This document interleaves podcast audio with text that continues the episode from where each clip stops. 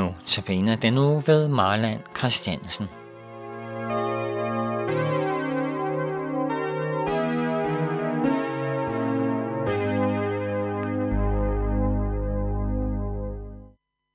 Vi skal du høre Du ømme faderhjerte med Birgit Larsen.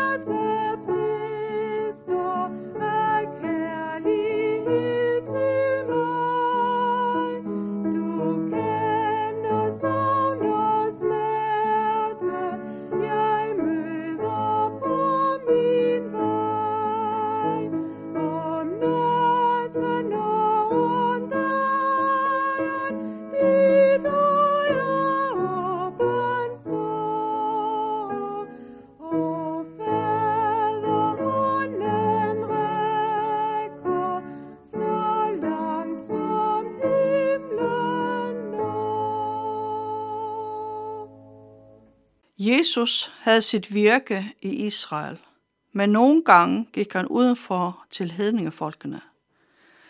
De folk ville jøderne helst undgå, og så disse folk som urene, og kaldte dem for blandt andet hunde, så var et urent dyr, og vil ikke have noget med dem at gøre. Men som vi ser i den tekst, så vi nu skal høre, vil Jesus også møde de ren, urene hunde.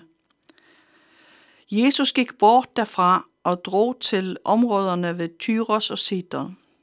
Og se, en kananæisk kvinde kom fra den samme egen og råbte, Forbarm dig over mig, herre, Davids søn.